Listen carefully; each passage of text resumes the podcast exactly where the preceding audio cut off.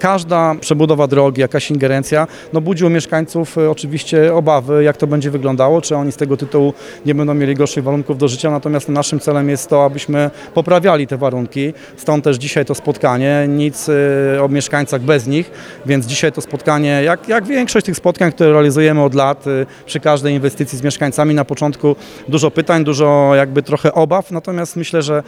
tak jak już teraz pod koniec te obawy zostały i rozwiane, jak i również mieszkańcy też tę informację mają i po spotkaniu, jak i bezpośrednio będą mieli z naszymi urzędnikami też od projektantów, którzy będą się bezpośrednio kontaktowali z mieszkańcami, tak żebyśmy kolejną drogę w mieście Skierniewice, która wymaga